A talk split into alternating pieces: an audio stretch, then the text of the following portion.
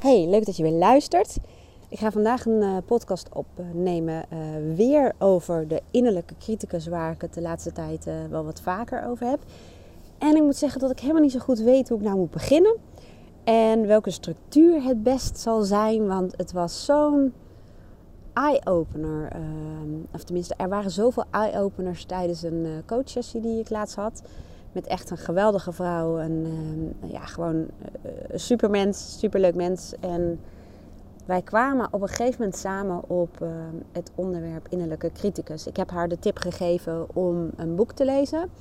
Die zet ik op mijn boekenlijst. Die vind je op wendyborst.nl slash boekenlijst. wendyborst.nl slash boekenlijst. En dan heet het boek De Innerlijke Criticus Ontmaskerd. En met de mensen waarmee ik een voice dialogue sessie doe. En dat ga ik even niet uitleggen voor nu, want als je mij volgt, dan, nou ja, dan ben je inmiddels wel een beetje op de hoogte van hoe die methode werkt.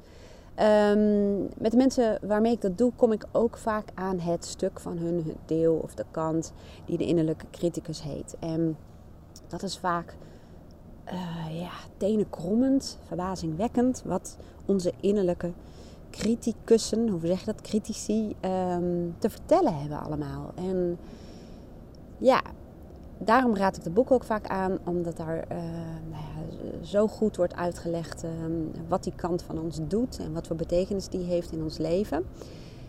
En samen, dit was denk ik de derde sessie vermoed ik, of de vierde, samen bespraken we eigenlijk um, nou ja, dat innerlijke criticussen. Ik doe even criticussen. Misschien is het taaltechnisch niet goed, is het critici, maar uh, ik moet even ergens voor kiezen. Dus dat innerlijke criticussen van vrouwen vaak zo snoeihard zijn als het gaat om uiterlijk en lichaam. En dat komt ook door uh, ja, omgevingsinvloeden en conditionering van vroeger uit, maar eigenlijk ook door de maatschappij.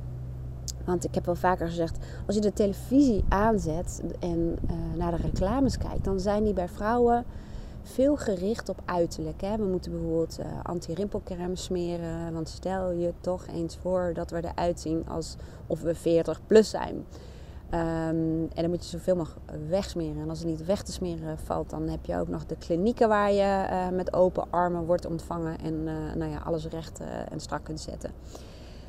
En um, ja, er wordt ons vaak ook geleerd dat we. Het is wel heel erg uh, in hokjes uh, neergezet trouwens. Want natuurlijk zijn er allerlei uitzonderingen, dat snap ik best. Maar je ziet toch vaak dat vrouwen meer de boodschap meekrijgen dat we uh, nou ja, lief, gehoorzaam, bescheiden moeten zijn. Er leuk of goed of mooi of wat dan ook uit moeten zien.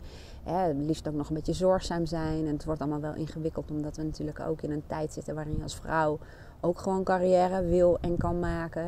Tenminste, niet iedereen wil dat natuurlijk. Maar uh, mannen wordt over het algemeen toch meer meegegeven om hun uh, macht wat meer in te zetten en om ja, status te verkrijgen, om uh, succesvol te zijn. En uh, dat zijn meer conditioneringen die um, ja, bij jongens en mannen horen. Dus um, ik kan natuurlijk heel lang uitweiden over hoe een innerlijke criticus tot stand komt. Um, en misschien, uh, ik zei de structuur is nog niet helemaal bekend van deze podcast, komt dat nog wel aan bod. Maar wat ik eigenlijk even hiermee, um, wat ik in deze podcast gewoon uit wil lichten, is dus die innerlijke criticussen die gericht zijn op het uiterlijk en het lichaam van vrouwen. Sorry, ik heb wat in mijn keel hier. Ik zeg weer de vorige keer ook al stukje sla. Anyway. Um, ze vertelde dat zij uh, eigenlijk continu, zeg maar zo goed als de hele dag door, zichzelf vergelijkt met andere vrouwen. En dat gaat heel diep en heel ver. Vergelijken um, nou, door naar uiterlijke kenmerken te kijken. Bijvoorbeeld iemand die hele lange wimpers heeft en daar dan naar kunnen kijken.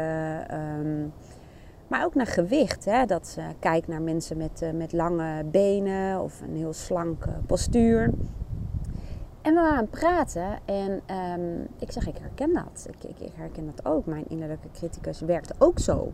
Die, ja, die, ik ben ook heel vaak aan het vergelijken. En we zaten elkaar aan te kijken. Want als ik naar haar kijk en als ik zie wat zij doet, is het echt zo'n, ik zou zo'n supermens. Hè? Gewoon een zelfverzekerde vrouw, zelfvertrouwen, heel veel competenties. Ze doet gewoon heel goed, succesvol, uh, slim. En ik kan van mezelf ook zeggen, ik heb geen gebrek aan zelfvertrouwen. Ik voel me ook gewoon goed over wie ik ben. Ik kan ook heel zelfverzekerd uh, me voelen en optreden. Ik uh, ben goed in wat ik doe. Dus nogmaals, bij ons allebei aan zelfvertrouwen of zelfverzekerdheid eigenlijk geen gebrek. Dat zit best prima in elkaar. Behalve, en nou zeg ik behalve, dan weet ik niet of dat een hele goede woord is, maar laten we het zo zeggen. Maar toch zijn we heel erg kritisch als het gaat over ons uiterlijk. Ook zij weet, ze staat er, ze heeft er gewoon een mooi gezicht, ehm, nou ja, een mooi lichaam. Alleen ze zegt, ik heb overgewicht. En daar begint het eigenlijk al mee, hè? want ik heb dat dan niet. Maar dat, ik ben slank. Ik heb wat dat betreft ook gewoon uh, nou, best wel mazzel eigenlijk moet ik zeggen met mijn uh, spijsvertering. Maar ik ben slank, maar ook ik vergelijk mezelf de hele tijd. Ook qua lichaam met andere mensen. Dus het maakt eigenlijk niet uit of je dun dik bent of uh, mollig of ja, heel mager. Um, het lijkt wel nooit goed te zijn. En we lijken dan tegen vrouwen op te kijken die dan in onze ogen het perfecte nou ja, ideaal, uh, ja, moet ik zeggen, hebben.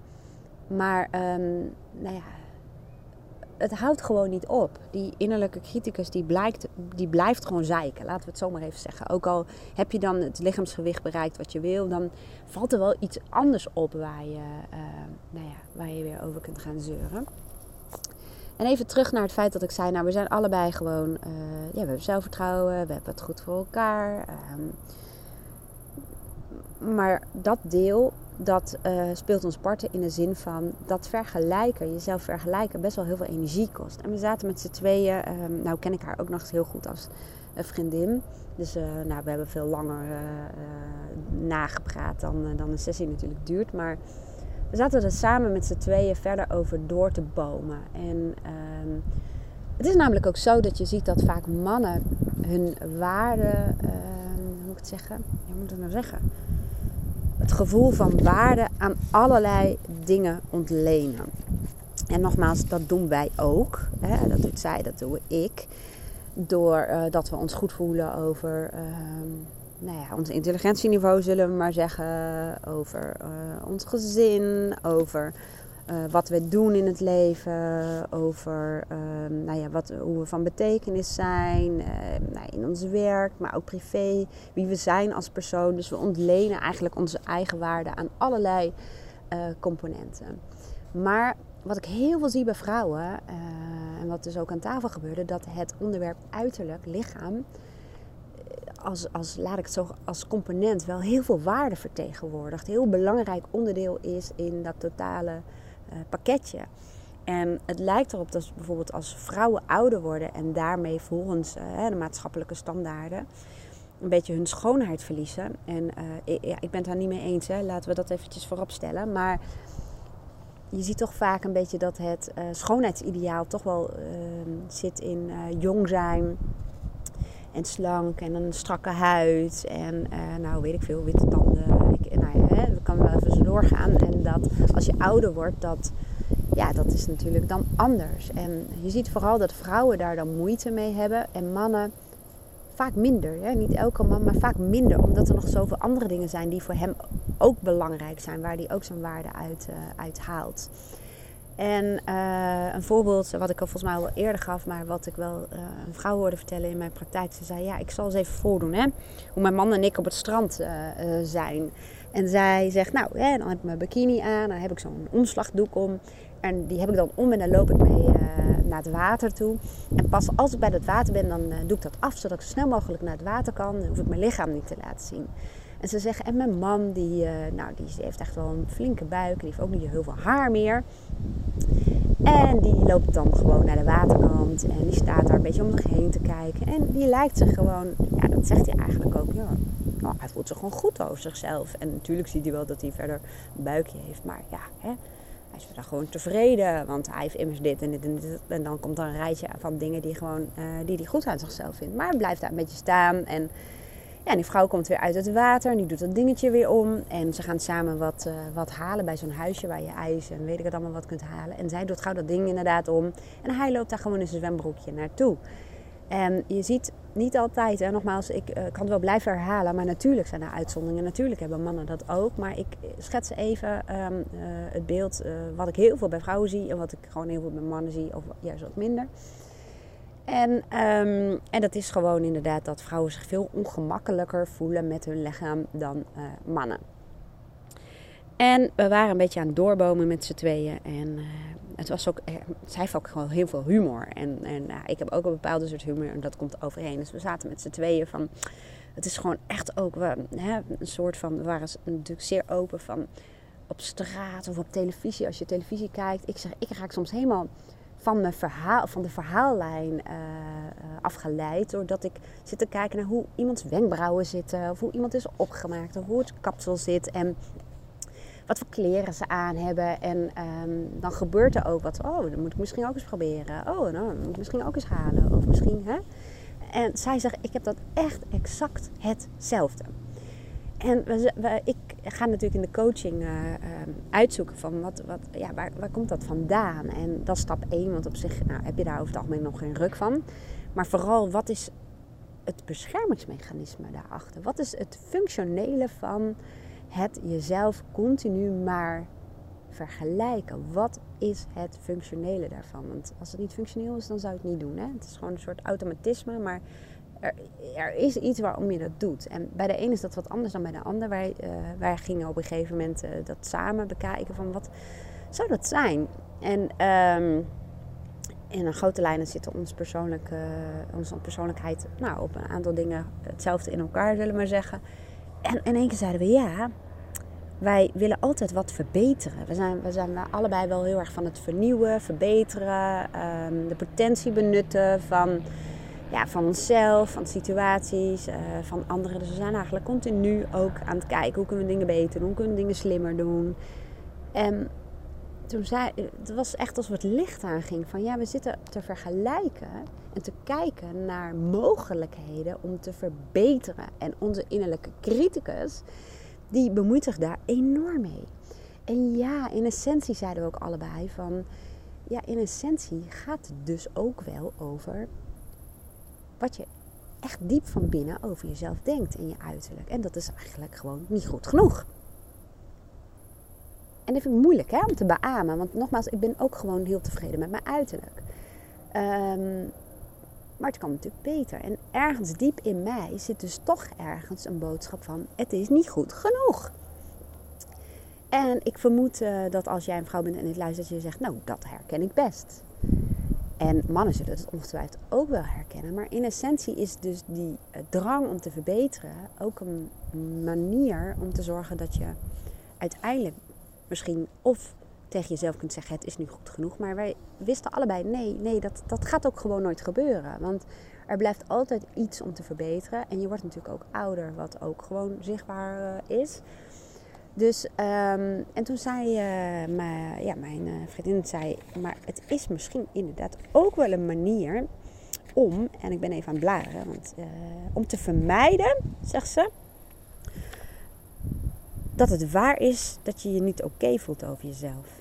Ze zegt het is een manier om te zeggen, om niet ehm, te moeten bekennen, oké, ik voel me dus niet goed over mezelf. Of ik vind mezelf niet goed genoeg, want dat matcht niet helemaal met bepaalde persoonlijkheidskanten van onszelf die, um, hoe moet ik dat nou zeggen, die er anders over denken. Het is natuurlijk niet zo heel erg cool om te zeggen van, nou, om te bekennen, nou, ik voel me dus qua lichaam en, en uiterlijk niet goed over mezelf. Dat je moet bekennen, oké, ik vind mezelf niet goed genoeg. En um, nou, dat, dat, dat heb verder zitten uitdiepen. Hè. Ik ga dan gewoon daar dieper op in, dieper op in, om dat gewoon ja, crystal clear te krijgen, om het zo te zeggen. En uh, nou, ik doe dat ook vaak aan de hand van uh, neuroassociaties. Eigenlijk linkjes die je brein legt hè, met um, pijn en plezier. Want zo zijn onze hersenen geprogrammeerd om pijn te vermijden, pijn en gevaar. En om ja, plezier uh, te ervaren. En uh, nou, daar heb ik wel vaak in mijn podcast wat over verteld. Laat ik dan nu even achterwege. Dus ik zoek altijd samen uh, de linkjes vanuit ons brein met pijn en met plezier ten aanzien van bijvoorbeeld jezelf vergelijken. Het geeft dus ook plezier. Nou, we zeiden al, het geeft het gevoel dat er altijd iets is om te verbeteren. Hè? En dat voelt goed. Dus je geeft jezelf het idee continu dat het mogelijk is om jezelf te veranderen en dat het beter kan worden. Het is ook um, plezier van, stel dat het beter wordt, dan kun je, krijg je ook bewondering om je uiterlijk. Of voel je je goed over jezelf. En het geeft een illusie dat je erbij hoort, dat je er mag zijn. Nou, anyway, dat soort dingen. Zo gingen we ook de pijnassociatie uh, doornemen en, en verder bekijken. En dat was echt super, super, super interessant. We kwamen ook uit op. Um, ik kijk ook altijd naar um, ja, wat de functie is van eetbuien. Daar ga ik nu even niet zo heel erg veel op in. Um, je hebt een functie van eetbuien, maar er is ook een functie bijvoorbeeld van anorexia. Of juist uh, te weinig gewicht hebben. En um, ik heb meerdere klanten gesproken en daar ben ik mee aan de slag gegaan om te achterhalen wat is dan eigenlijk het beschermingsmechanisme. En zo zeggen bijvoorbeeld mensen met een, um, ja ik vind het altijd een vervelend woord, eetstoornis, of laten we zo zeggen, die gewoon te weinig eten. Heel vaak dat, um, dat ze daardoor onzichtbaar zijn of minder gekwetst kunnen worden, omdat er feitelijk gewoon minder lichaam is. Maar ik heb ook mensen horen zeggen, ik ben dan snel, ik kan snel wegkomen, ik kan zo eigenlijk goed vluchten. En um, verrassend genoeg, um, nou ja, ik heb het inmiddels al natuurlijk al wel vaker gedaan, dus voor mij is het niet meer verrassend. Spreek ik ook veel mensen met overgewicht en dan ga ik achterhalen wat is daarvan de functie. En vaak hoor ik zeggen, ze zien mij staan, ik neem de ruimte in, ze kunnen mij niet zomaar oppakken en wegzetten. Ik ben sterk, ik ben gewapend, um, ik ben beschermd tegen de buitenwereld. Nou, zo kan ik nog wel even doorgaan. En uiteindelijk kwamen we ook, uh, uh, ja, waren we ook linkjes aan het leggen met het fight or fright mechanisme. Hè? Dus eigenlijk het stressmechanisme. Of eigenlijk freeze moet ik er ook aan toevoegen. Vechten. Dus bij wijze van spreken um, kun je zeggen, nou, daar, als je daarvoor gewicht hebt, dan nou, kunnen ze je niet zomaar omverduwen. Vluchten. Dus het is slim als je daardoor bewegelijk bent en heel hard kunt rennen. Ik noem maar eventjes wat en freeze. Hè? Dus dat is bijvoorbeeld ook dat je echt, echt onzichtbaar bent. Dus niet goed gezien wordt of uh, jezelf, um, ja moet ik het zeggen, uh, nou nogmaals onzichtbaar maakt. Nou, als ik dit zo vertel klinkt het allemaal veel minder, um, ja, moet ik het zeggen, uh, veel minder... Um, positief verrassend dan in het uh, gesprek. Want we waren zo linkjes aan het leggen. Dus ik hoor me het zelf zeggen. Ik denk, ja, in de sessie klonk het toch een stuk um, beter. Maar goed, maakt niet uit. Uh, dat is trouwens ook mijn innerlijke criticus hè, die zich ermee bemoeit. Even kijken, want elke podcast die ik opneem, uh, daar heb ik een doel mee. En dat is uh, jou inspireren en zorgen dat je, nou ja, dat je je ook herkent. En dat je weet, ik sta dus niet alleen. Want dat denken we in heel veel dingen. Maar heel veel dingen zijn echt universeel. Want ik heb met haar dat gesprek natuurlijk gehad over de innerlijke criticus. Maar die heb met veel meer mensen. En wij konden op een gegeven moment z'n tweeën er verder over doorpraten. Omdat Um, ja, we hadden ook gewoon nog samen tijd hè, om bij te praten. Dus we gingen met z'n tweeën. En dan ben ik op dat moment ook even geen coach meer. Maar dan ja, zitten we met z'n tweeën daarover te praten. En um, ik zeg ook vaak um, zegt mijn innerlijke criticus. anyway, maar goed, even, ik raak afgeleid op mezelf. Hoe uh, belachelijk is het? Dat is ook innerlijke criticus. Nou, anyway, ik ben het dus vaak gewoon live aan het demonstreren. Even, ik wilde vertellen, ik, ik, ik, neem deze podcast op met een bedoeling. En ik zoek dus naar um, manieren om jou te inspireren en je ook te vertellen, je bent niet alleen. En heel veel dingen zijn behoorlijk universeel. En sommige dingen zijn ook behoorlijk makkelijk op te lossen, al denk je van niet. En um, ik moet gewoon nog iets grappigs vertellen. Voordat ik uh, iets uh, ga vertellen waar jij ook echt letterlijk en figuurlijk zelf mee aan de slag kunt.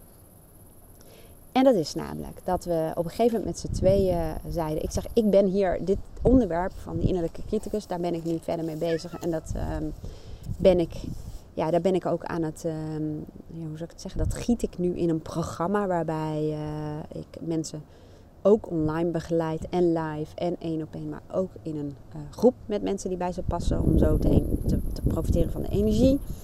En om ze gedurende een bepaalde periode gewoon maar heel goed te kunnen begeleiden. En ja, waarbij je mensen ook elkaar kunnen helpen en kunnen zien hoe het bij anderen is. En uh, nou ja, dat. En toen zei ik, en uh, de innerlijke criticus is daar een heel groot thema in. Ik zeg dus, ik ben daar zelf, voor mezelf ook mee aan de slag. Om daar weer nog meer stappen in te zetten. Want het gaat er niet om dat je je innerlijke criticus uit moet zetten. Het gaat erom dat je innerlijke criticus als bondgenoot, als supportive partner gaat inzetten. Nou, dat ga ik eerst doen voordat ik dat leuke ga vertellen. Want je innerlijke criticus als supportive partner inzetten of bondgenoot betekent dat je eerst met elkaar zou moeten afstemmen over jullie missie en gezamenlijke doelen. Want een innerlijke criticus die werkt op basis van, zoals ze dat in de voice dialogue methode noemen, een innerlijke regelgever. Dat is gewoon een term die wordt gebruikt en het is eigenlijk een kant van jou die regels opstelt. Dus gebaseerd op waarden vaak, maar normen. Van dit zijn de regels waaraan jij je moet houden om succesvol te zijn, om te overleven, om erbij te horen, eh, om gezond te zijn, dat soort dingen. En het klinkt ook best heel logisch. En jouw innerlijke criticus, die, ehm, eh, nou ja, die helpt je daarmee om het zo te zeggen. Die ziet daarop toe. Die helpt je om je aan die regels te kunnen houden. Maar die regels zijn heel vaak niet bewust gekozen. En ook niet statisch. En dat maakt het wel ingewikkeld. Ten eerste, als ze niet bewust zijn gekozen, dan zijn ze jou dus gewoon ingefluisterd. En dat is natuurlijk ook zo door conditionering in je jeugd. Dus dat zijn allemaal dingen die je heel vaak hebt gehoord. En door de televisie en je vrienden. Dus daardoor zijn er bepaalde normen ontstaan. Hè? Wat ik net al vertelde, uh, bijvoorbeeld nou, bij mij is dat de norm is, ik moet financieel onafhankelijk zijn. En ik moet succesvol zijn. Laat ik even achterwege wat daar dan de definitie van is. Ik moet um, uh, nou ja, er zo aantrekkelijk mogelijk uitzien.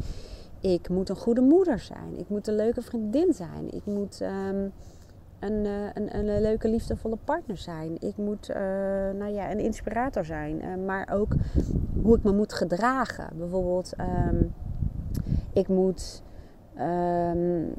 overdag gewoon heel veel werken. Ik mag niet overdag televisie kijken. Ik, ik trek het nu even in een beetje in het redelijk absolute, maar om even een beeld te vormen. Wat nog meer? Ik moet mijn huis altijd heel netjes hebben. Um, ik moet mijn administratie geordend hebben. Nou, gaan we zo nog even door. Heel veel regels zijn ook functioneel en dienen jou, wie je bent en je waarde. Maar heel veel regels zijn gewoon um, ja, dysfunctioneel en die slaan eigenlijk echt helemaal nergens op. Dus A, het stukje bewuste, dus heel veel normen die jouw regelgever heeft opgesteld, hè, regelsnormen, die zijn niet bewust opgesteld, die zijn gewoon ingesleten. Het is gewoon, ja, is gewoon een database geworden van allerlei uh, regels en ja, je hebt je eigenlijk geen benul van wat het dan allemaal is.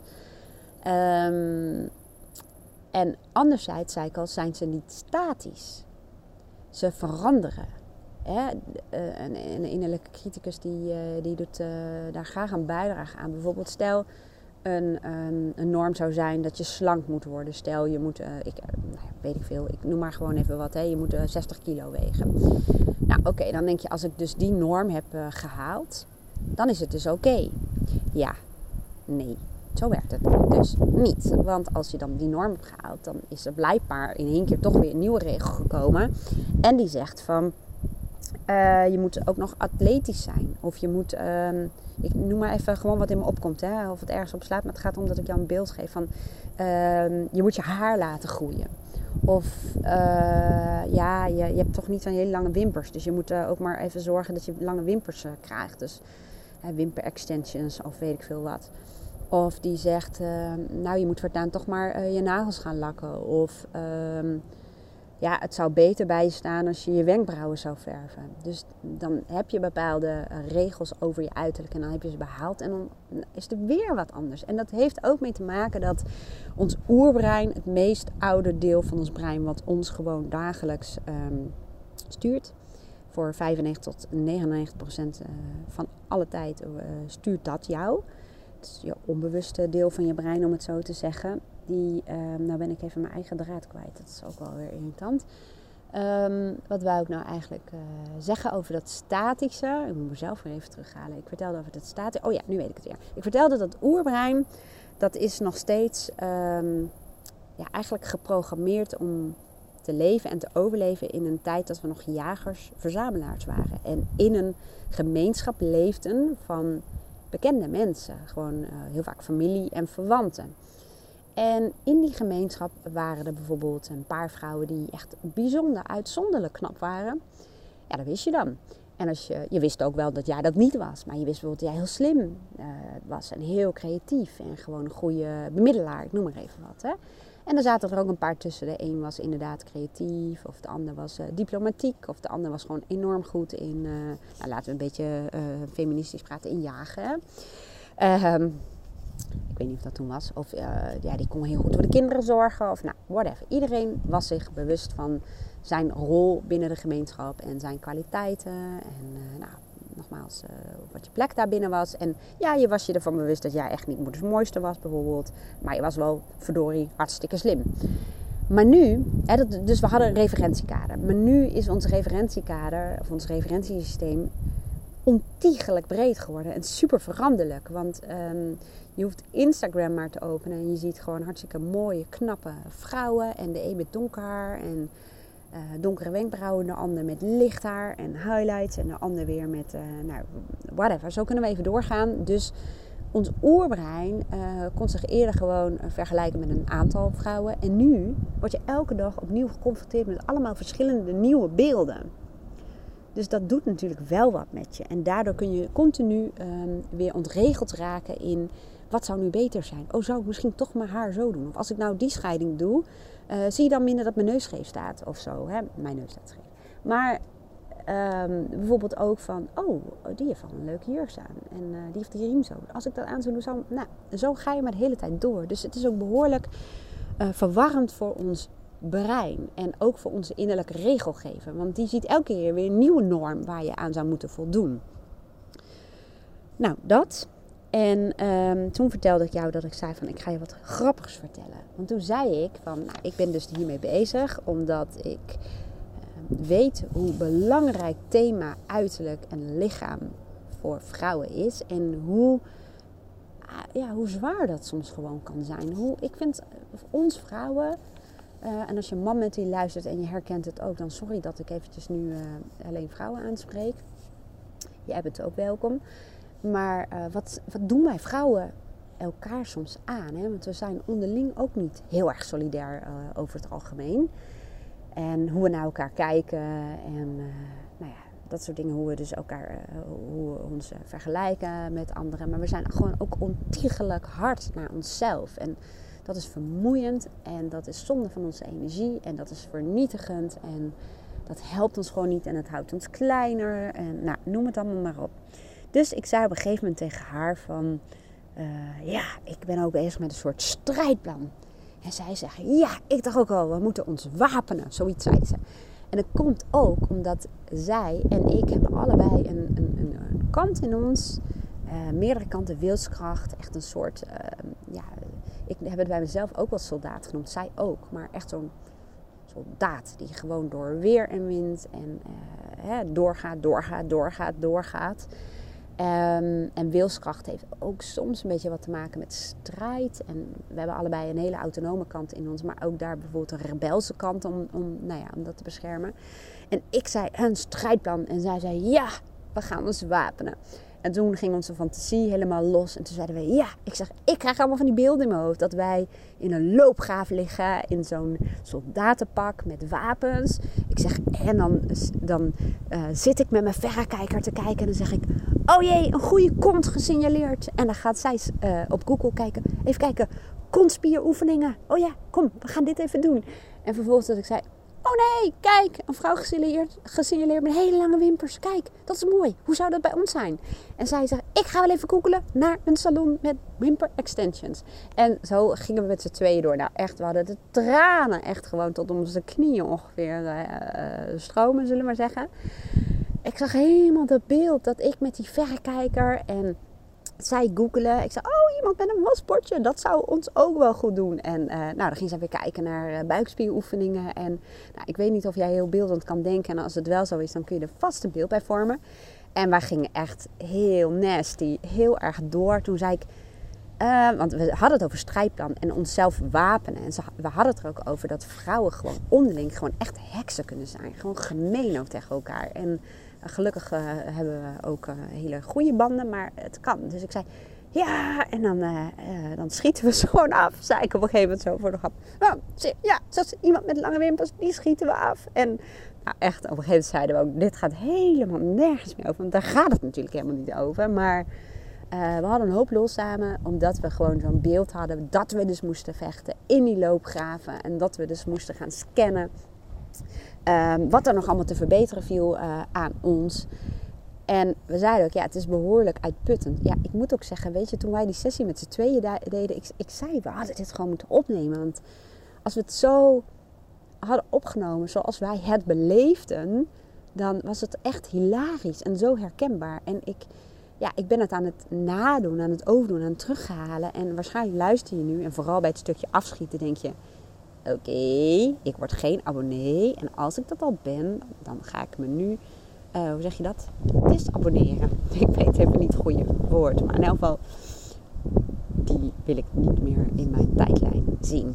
Dus snap ik. Dus je, je, moet erbij zijn geweest om uh, hier heel hard om te kunnen lachen. En misschien, misschien hè, daarom vertel ik het ook, herken je het ook wel een klein beetje. Goed, dan ga ik eventjes uh, naar het deel waarbij ik hoop dat ik jou uh, kan helpen. Want op een gegeven moment zei ik ook van, weet je wat mij gewoon helpt? Want ook mijn innerlijke criticus, als hij de ruimte krijgt, dan, nou, dan, dan is die snoeihard. Maar ik weet inmiddels ook, en dat heb ik gewoon de afgelopen jaren heel erg geleerd, dat als jij je missie in het leven, klinkt uh, best wel, best wel eh, pittig, maar ja, nou ja, het helpt. Laat ik het zo zeggen, als je je missie in je leven en, en je persoonlijke doelen gewoon heel scherp hebt en die ook absoluut voelt in combinatie met je, met je waarden, dan kun je samen en dat bracht uh, die vriendin van mij in. Van dan kun je dus eigenlijk in gesprek met je innerlijke criticus. Ik zeg, dat klopt. Hè? Dat staat ook in het boek. Want ze zei, ik begrijp nu uh, hoe dit uh, vorm gaat krijgen. Want ik zou ook in principe... Ga je aan de hand van jouw persoonlijke levensplan of missie... of hoe je het wil noemen met je waarden... ga jij eerst in gesprek met je regelgever. En dan zeg je bij wijze van spreken, eventjes, nu doe ik het even heel beeldend, van beste regelgever, um, we moeten eens even met elkaar in gesprek. Ik uh, ga met jou nieuwe de regels doornemen op basis van mijn waarden en wat ik in dit leven wil bereiken en wat belangrijk voor mij is. En dan ga je dus eigenlijk het eerste deel doen. Dus je gaat heel bewust op papier zetten. Dit is wie ik ben, dit is wie ik wil zijn, dit zijn belangrijke waarden voor mij, dit is mijn missie. Kraakhelder. En je innerlijke criticus die volgt die innerlijke uh, raad, regelgever, sorry. Nou, als je dat doet, ik, ik, doe dat, ik heb dat dus ook gedaan en ik ben bezig met het herijken van mijn, uh, nou, ik noem het levensplan. En als je dat doet, dan doorbreek je dat patroon van die innerlijke criticus. En ik noem een voorbeeld, want ik zei van, zei ze op een gegeven moment, ik stond in de lift en er stond zo'n vrouw met die hele mooie lange wimpers.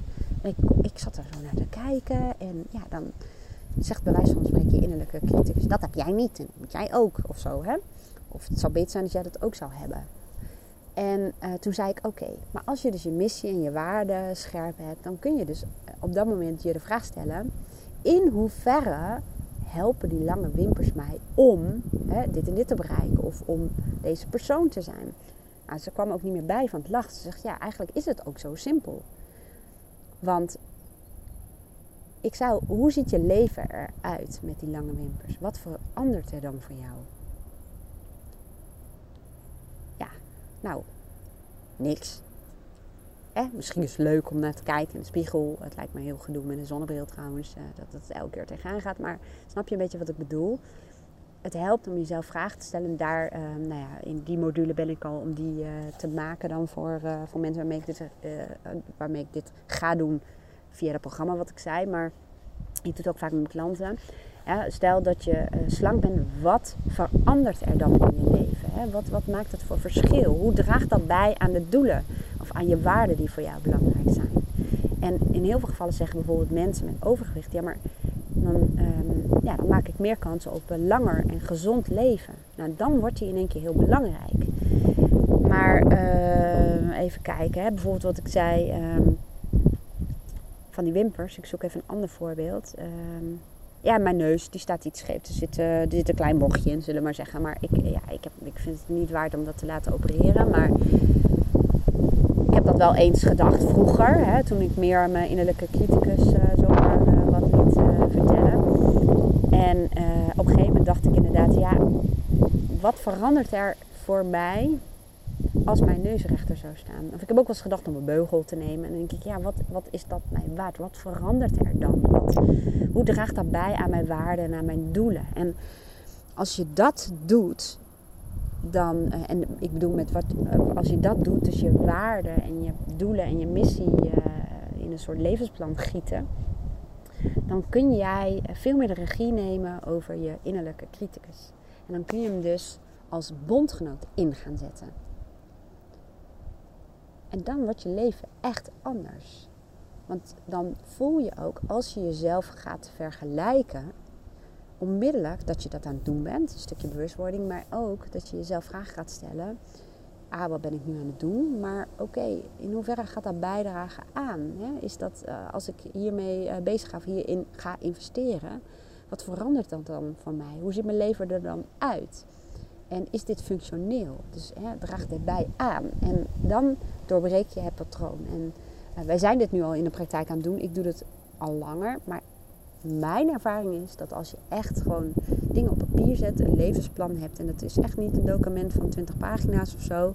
Maar wel waarin je waarden heel scherp staan. En wie je bent. En wat je eigenlijk wil. Wat je doelen zijn uh, voor de komende tijd. Dan, ja, dan is het zoveel makkelijker. Ik ga even naar binnen. Want ik kan me zo voorstellen, uh, het waait heel erg dat je dat hoort op de achtergrond. Maar ik ga even naar binnen dus. Hoor je even de deur mijn ervaring is dat je dan veel makkelijker dat gebeb van je innerlijke criticus, die, uh, die de hele tijd jou probeert te vergelijken, doorbreekt. En dan hou je natuurlijk ongelooflijk veel meer energie over, maar je gaat ook steeds beter gevoel krijgen over jezelf. En je gaat ook steeds beter jezelf waarderen om wie je bent.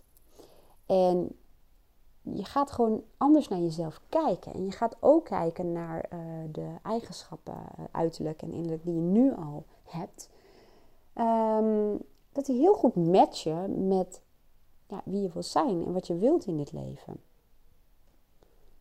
Want even denken. Op een gegeven moment hadden we namelijk ook over een voorbeeld waarin uiterlijk ook in de weg kan zitten. Ik, ik heb uh, uh, iets van tien jaar in de IT gewerkt, systeembeheer en websiteontwikkeling en beheer. En uh, toen ik bij kadaster werkte, hadden we, uh, is nog steeds twee vestigingen. Een vestiging in Apeldoorn, de Brug heet dat. En daar zaten over het algemeen de meeste IT-mensen. En een concernstaf, dus daar zat marketing, communicatie en nou, nog veel meer afdelingen natuurlijk. En ik was in elk geval één keer per week zat ik bij IT. En uh, omdat we samenwerkten, om het zo te zeggen. En ik merkte dat in die tijd, vooral mijn systeembeheerder als ik bijvoorbeeld aansloot in een uh, vergadering, zeiden ze: Oh, hebben wij een notulist? Ja, oké. En op een gegeven moment hadden ze in de gaten dat ik dus niet de notulist was. En dan keken ze me zo aan: van wat is ze dan wel? Ze is een kapper, die is de weg kwijt. Dat hadden ze in de gaten, dat was het ook niet. En op een gegeven moment hadden ze in de gaten dat ik ook systeembeheerder was. Nou, en toen werd ik natuurlijk uh, dubbel en dwars getest. Want dat moet dan natuurlijk eerst even gekeken worden of dat wel werkelijk waar is. En of ik niet echt, uh, of niet toch verdwaald ben, om het zo te zeggen. Maar daarin, bewijs van spreken, zou je kunnen zeggen dat je uiterlijk um, in de weg zat. En um, ik weet niet meer hoe ik hier op kwam, maar laat ik het zo zeggen: een super perfect, mooi uiterlijk, zoals uh, we dat vaak schetsen op televisie en in tijdschriften en op social media.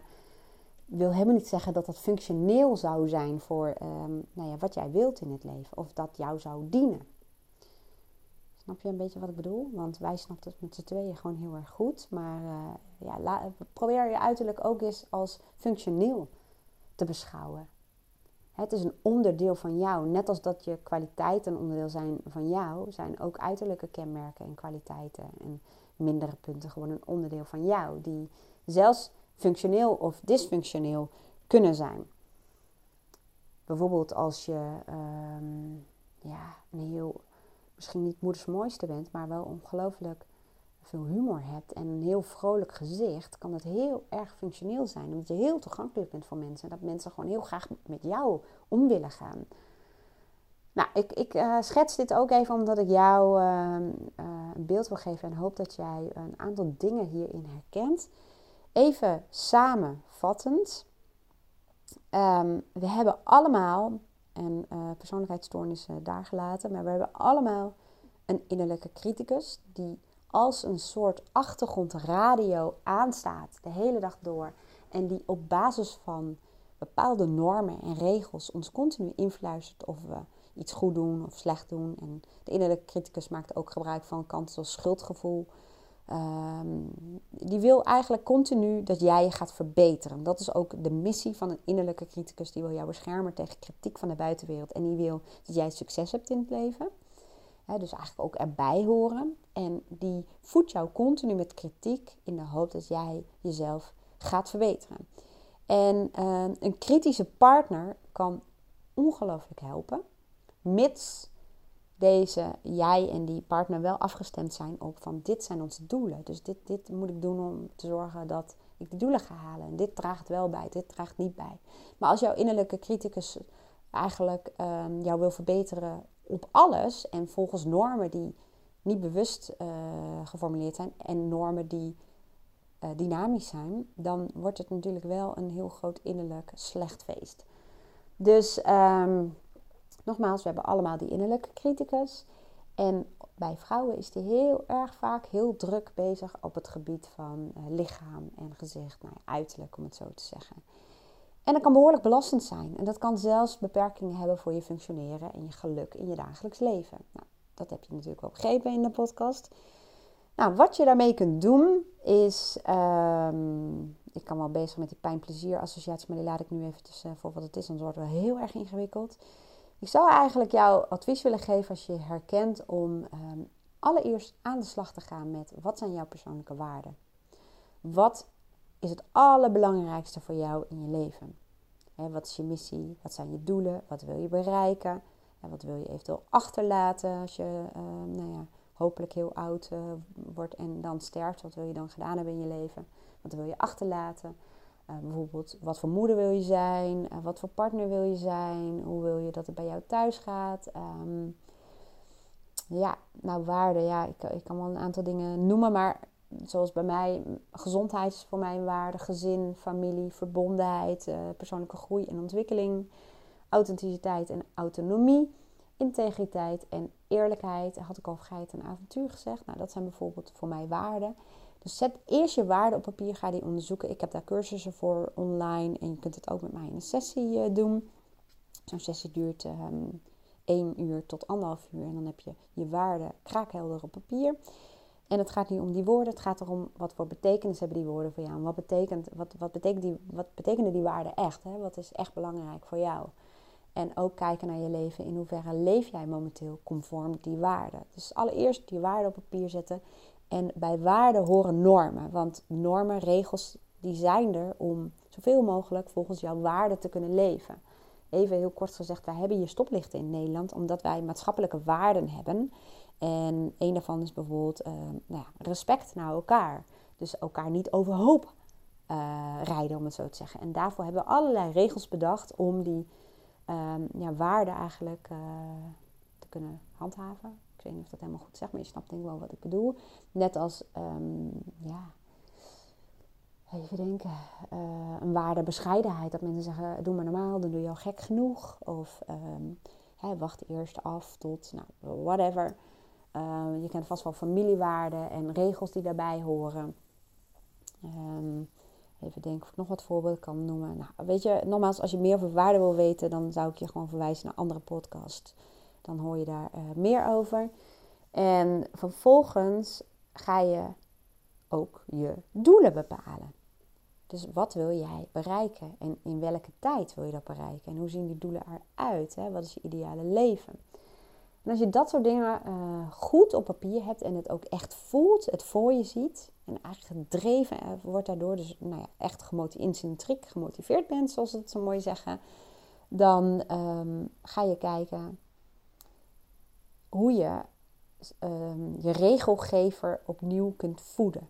En hoe je je innerlijke criticus eigenlijk kunt inzetten om jou te helpen als bondgenoot. Als je dat doet, dan verdwijnt eigenlijk de ruis. dus alle dysfunctionele regels en normen. En ja, je leven wordt gewoon een stuk simpeler en fijner. En ik noemde even tot slot, want het wordt een hele lange podcast. Ehm, ik noemde op een gegeven moment ook een voorbeeld van. Ehm, daarom ben ik nu dus mijn eigen levensplan aan het herijken. Omdat ik weer nieuwe uh, ja, um, uitdagingen daarvoor nodig heb. Op een gegeven moment had ik gewoon echt een paar vlijmscherpe doelen gesteld. En was ik zo bevlogen daarmee bezig dat ik ochtends heel snel even een beetje mascara update. En nou, gewoon even wat uit de kast trok, bij wijze van spreken. En het boeide me eigenlijk niet hoe ik eruit zag. En dat komt omdat iets veel belangrijker was dan dat. En omdat ik wist um, dat even snel opmaken en iets aantrekken, dan heb ik meer tijd om dat te doen. Dus um, mijn uiterlijk was op dat moment gewoon helemaal niet functioneel in wat ik wilde. Maar tijd wel. Dus genoeg tijd om daarmee bezig te zijn. Snap je wat ik bedoel?